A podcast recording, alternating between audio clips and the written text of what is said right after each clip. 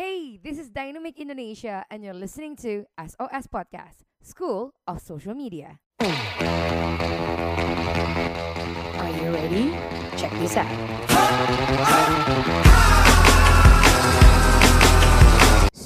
Time to listen and execute. Drop the bass.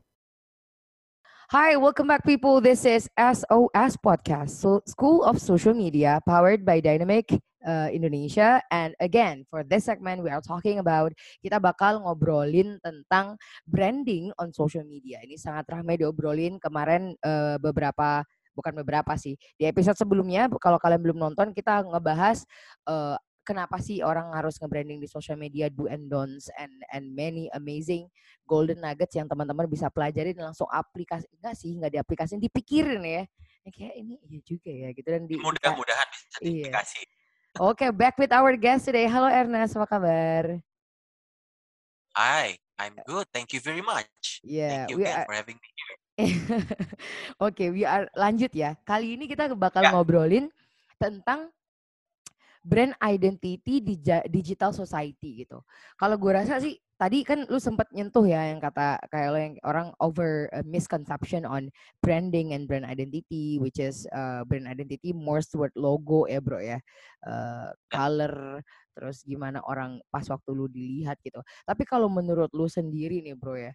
em, apa sih yang benar-benar apa definisinya kamu gitu kan apa definisi lo di sini dan dan dan apa sih yang benar-benar harus orang perhatiin banget gitu ketika nge-build sebuah brand identity bro silakan bro Eh, kalau kita ngomongin brand, brand identity, berarti coba kita eh, dalam branding tuh sebenarnya ada dua pilarnya gitu.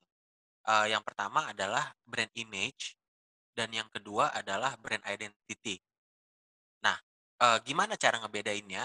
Brand image itu adalah sesuatu yang kita nggak bisa kontrol. Misalnya pikiran orang, itu brand image, persepsi orang, kita nggak bisa kontrol.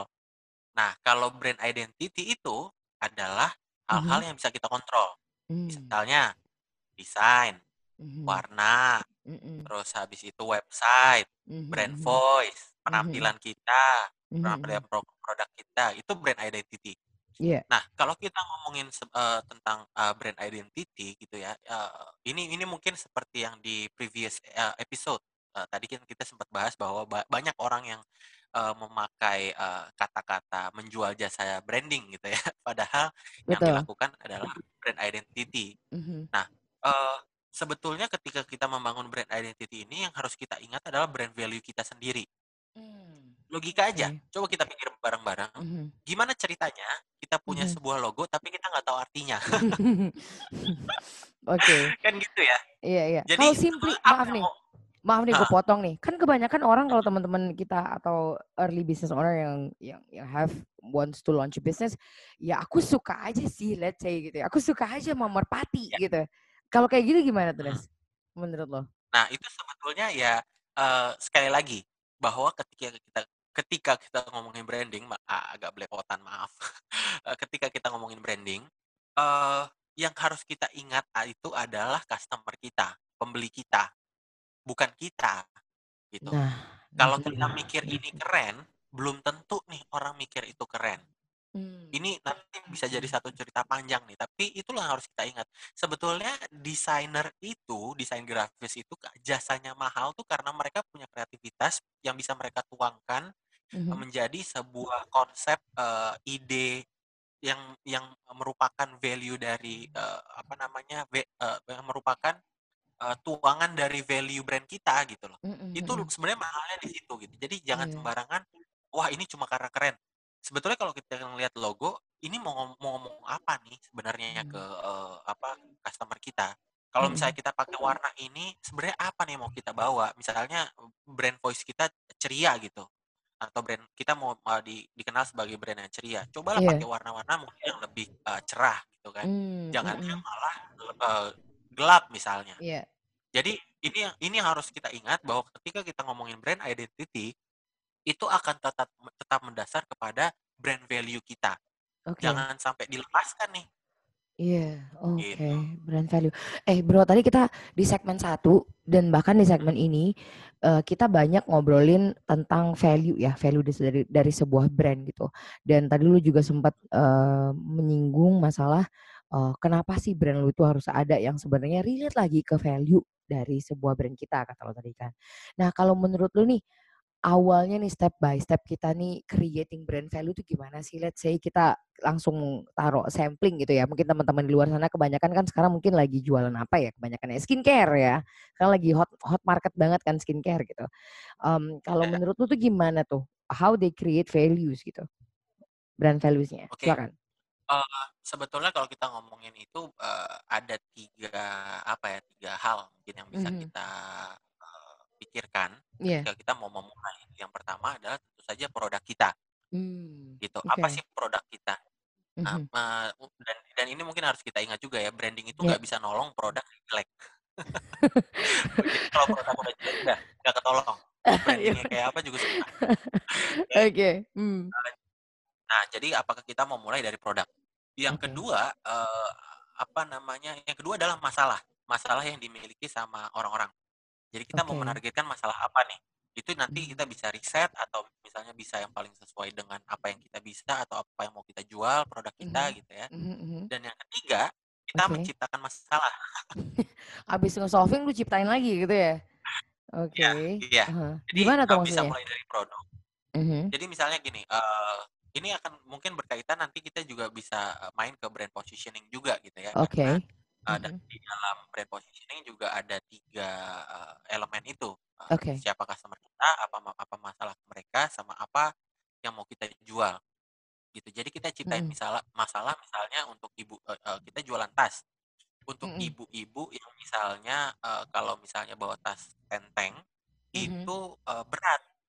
Mm. Karena kan ya Anas ya ini gue nggak tahu uh, apakah semua perempuan atau enggak tapi istri saya sama ibu saya itu tasnya jauh lebih berat dari saya saya nggak tahu itu isinya apa gitu ya aduh tapi kan iya sih iya iya iya iya ini bukan bermaksud menyerang perempuan ya jadi makanya gue bilang dari pengalaman gue sendiri oke okay. contoh aja mm -hmm. saya kan ditaruh di, di, di tangan gini ya di tangan yeah. atau di pundak uh -huh. which is kan uh -huh. biasanya kalau berat tuh bisa pegel atau sakit atau gimana yeah. nah itu di kemudian kita, kita bikin masalah itu Nah, kita mm-hmm. punya produk tas ini gitu. Ngerti gak?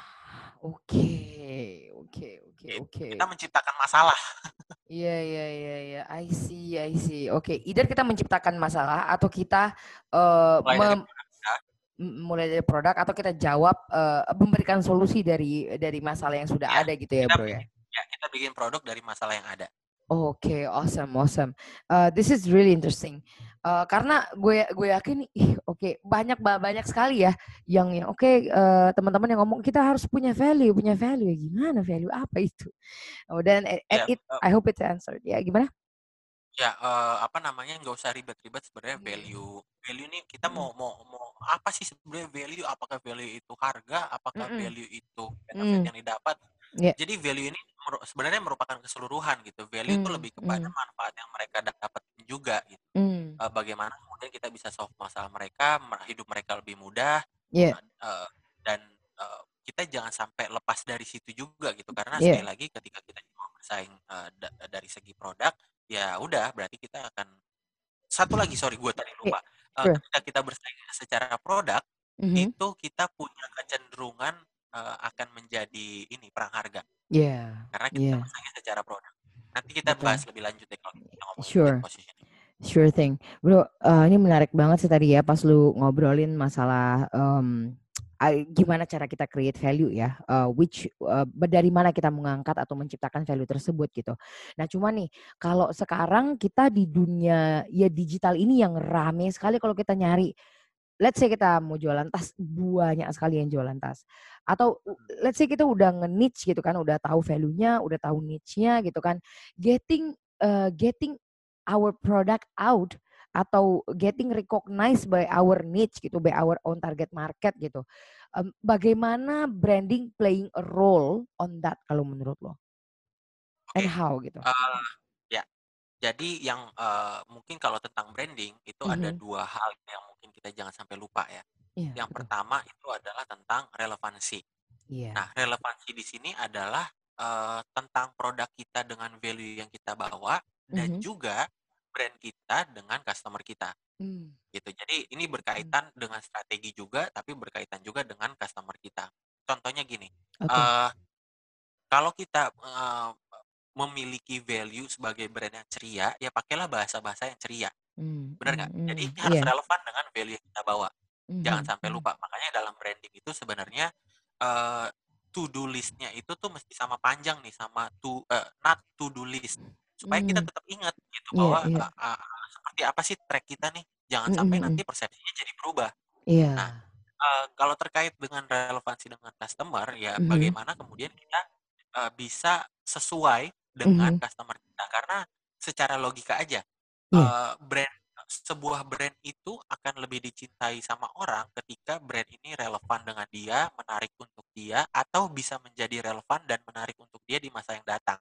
Hmm, Gitu. hmm, hmm, Oke. mhm. Nah, eh, kemudian yang kedua adalah experience. Iya. Experience di sini adalah bisa jadi ketika mereka melihat, mulai dari mereka melihat sampai mereka kemudian beli dan nyobain dan habis itu kita apain lagi mereka secara service itu Iya. masuk dalam experience. Makanya tadi kan Iya. gue bilang ya bahwa Mhm. branding ini adalah sebuah proses yang tidak berujung gitu, nggak ada habis. Iya. Kalau Mhm. misalnya kita mau mereka tetap datang ke kita ya we have to be there and we have to treat- treat them well. Iya, true. Sesimpel itu kan sebenarnya. Iya. Tapi mau Mhm. memang aplikasinya mungkin tidak sesimpel itu. Betul. ya. Ngomongnya gampang itulah. banget ya. Iya. Oke. Eh, kalau kita ngomongin peranan branding di sini ya balik lagi. Eh, tadi kan ada dari mereka tahu, Mhm. mereka suka sampai mereka percaya, mereka beli. Nah, di Hmm. titik percaya inilah yang kemudian jadi vital nih. Karena Hmm. ketika mereka percaya terus mereka beli, tapi setelah mereka beli mereka kecewa, kan Mhm. susah. Benar nggak? Iya, betul, Nah, betul sekali. kita mesti tetap treat mereka setelah mereka beli, kemudian Mhm. bisa kita kasih service apa seperti apa. Kalau misalnya Mhm. ada kurangnya, apa yang bisa kita lakukan untuk mereka, Mhm. gitu. Jadi Hmm. eh, kalau misalnya memang kita mau laku cepat, ya Mhm. pakai aja marketing, kasih aja Hmm. diskon, kasih aja strategi harga eh, apa Mhm. harga murah dan sebagainya itu Mhm. eh, kecenderungan beli akan tinggi. Tapi kalau Mhm. kita mau memiliki sebuah fan base, orang-orang Mhm. yang suka sama produk kita, orang-orang mau ya- yang yang apa namanya bisa menjadi advocacy kita gitu ya, Iya. yang mau beli terus sama kita. Iya. Nah, lakukanlah brand. Di situlah peranan branding gitu. So, eh, Hmm. ketika mereka akhirnya eh, mau membeli, membeli, membeli, di situlah peranan branding. Makanya mungkin kalau misalnya di situasi pandemi kayak gini ya, Iya. ya sebetulnya kan ya coba dipikir aja berarti sekarang eh, apakah branding memiliki peran penting? Silakan Iya, dijawab sendiri. clear, clear. Um, relevansi produk dan customer. Oke, quite interesting. Lalu nih, bro, gue pengen tanya sama lu kan, uh, people has many strategies lah ya istilahnya uh, in order to be relevant, in order to be related dengan dengan dengan dengan si apa tuh namanya dengan customer gitu loh. Maybe before last question ke dirimu nih, karena kita ngebahas tentang uh, brand identity in digital society gitu bro. Gimana sih tuh find our unique selling point gitu loh bro. Jadi di society itu kita bisa dilihat gitu kan istilahnya. Bisa dilihat, bisa disayangi, dipercayai, dibeli gitu. ada Oke. tipsnya nggak menurut lo? Mhm, Ya, gini. Kalau misalnya kita bersaing secara produk, sekali mhm, lagi, ya itu mhm. berarti nanti PR-nya akan banyak nih. Karena kan eh, kalau kalau gitu USP-nya kita mesti tahu sendiri nih produk kita Mm, uniknya apa sih, gitu Betul. ya. Mm-mm. Tapi kalau misalnya kita bersaing secara emosional, ya Mm, di situlah muncul uniqueness-nya. Mm. Ngerti nggak maksud gue? Jadi gini, Iya ya. eh, seperti yang tadi gue katakan, ini pasti Mm, akan akan akan nggak nggak nggak apa ya, nggak bisa dipisahkan gitu. Jadi eh kalau kita memil- memulai bisnis baru mm, dan bisnis kita budgetnya masih kecil, jangan mhm. ngikutin bisnis yang udah gede, apalagi strategi marketnya, terus target marketnya juga. Kita harus sesuaikan sama bisnis kita sendiri dan siapa target market kita. Mulailah dari niche. Sekali lagi, karena ketika kita mulai dari niche, akan jauh lebih mudah nge-treatnya, jauh lebih mudah untuk nge-grabnya, dan ketika kita mulai dari niche, apalagi kalau kita mulai dari masalah yang kita solve, berarti mereka ini akan ngerasa bahwa, oh, ini produk nih untuk kita, ini produk nih untuk gue. karena dia ngerasa relevan gitu. Mhm. Di situlah nanti akan muncul uniqueness-nya lagi gitu. Tapi bisa Mhm. kita tambahkan juga dengan added added value yang lain. Misalnya Iya. service Mhm. kita yang baik, kemudian Mhm. eh, apa namanya, misalnya gratis ongkir dan sebagainya untuk Mhm. pembelian kesekian.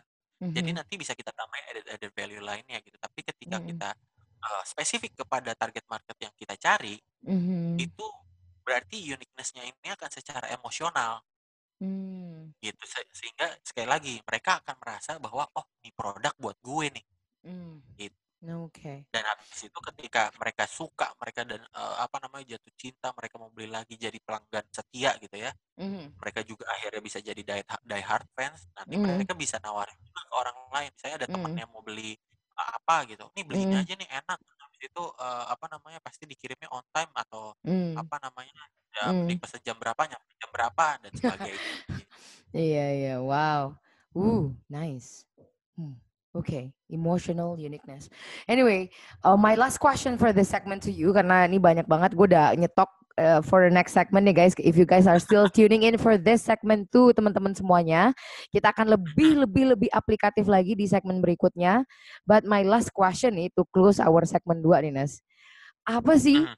brand yang paling membekas di diri lo dan kenapa gitu? Apakah dia ya, ya dan kenapa gitu aja. Daripada gue nanya panjang-panjang gitu aja. Brand yang paling bekas banget dan dan kenapa? Silakan.